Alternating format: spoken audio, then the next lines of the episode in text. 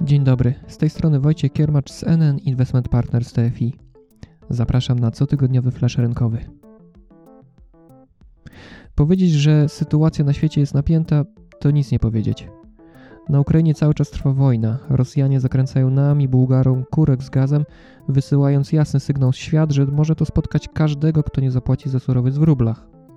Ponadto Chiny cały czas mierzą się z problemem koronawirusa i dlatego przedłużają wszelkiego rodzaju obostrzenia w przemieszczaniu się w wielkich aglomeracjach, np. Szanghaju, pogarszając tym samym nastroje konsumentów i podgrzewając dyskusję o tzw. Tak łańcuchach dostaw i konieczności zmian w dotychczasowym globalnym modelu handlu. Na to wszystko nałóżmy jeszcze bardzo późny moment cyklu koniunkturalnego, w którym gospodarka pracuje na pełnych obrotach, do minimum spada bezrobocie i rosną płace.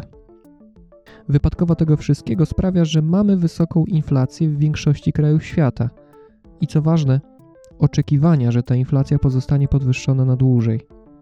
To dlatego banki centralne podwyższają lub zaraz zaczną podwyższać stopy procentowe i to dlatego rosną rentowności obligacji, co negatywnie wpływa na ich notowania. Ponadto słabo radzą sobie ostatnio notowania akcji, np. spółek technologicznych. Amerykański indeks Nasdaq spadł od początku roku o prawie 20%. Spółkom z tego indeksu również nie sprzyja wysoka inflacja, rosnące stopy procentowe i cała dyskusja o rychłym spowolnieniu gospodarczym. Zwłaszcza, że wiele z nich jest po latach bardzo dynamicznych wzrostów. Stawianie na inwestycyjnego czarnego konia w takich warunkach obarczone jest szczególnie dużym ryzykiem. Dlatego rozsądnym podejściem do inwestowania jest dywersyfikowanie naszego portfela. Urozmaicanie go o różne klasy aktywów tak, aby w przypadku słabości jednej inne to rekompensowały lub przynajmniej stabilizowały wyniki. To ma sens. W 1952 roku Henry Markowitz opublikował artykuł na temat selekcji instrumentów, który stał się podwaliną do stworzenia koncepcji teorii portfelowej, za którą w 1990 roku otrzymał Nagrodę Nobla. O co chodzi w teorii portfelowej? Ano o to, żeby nie wkładać wszystkich jajek do jednego koszyka. I o to, że w inwestowaniu zawsze chodzi o kompromis pomiędzy zyskiem a ryzykiem. Za pomocą statystycznych i matematycznych modeli Markowicz wykazał, w jaki sposób znaleźć ten złoty środek, czyli sytuację, w której przy danej kombinacji aktywów w portfelu minimalizujemy ryzyko, rozumiane jako wahania portfela, i maksymalizujemy oczekiwany zwrot z takiej inwestycji. Takie portfele nazywamy efektywnymi. Trzymanie w portfelu różnych rodzajów aktywów jest mniej ryzykowne, a niekoniecznie mniej zyskowne niż trzymanie podobnych instrumentów, np. akcji spółek z tego samego sektora, które narażone są na takie same specyficzne ryzyka. Chodzi o poszukiwanie takich składników, które będą ze sobą jak najmniej skorelowane lub nawet skorelowane ujemnie. Korelacja przyjmuje wartości od minus 1 to sytuacja, w której dany instrument zachowuje się dokładnie odwrotnie niż drugi, do plus 1, czyli sytuacja, w której mamy dwa aktywa, które zachowują się identycznie. Korelacja na poziomie 0 oznacza, że notowania dwóch instrumentów są ze sobą nijak powiązane.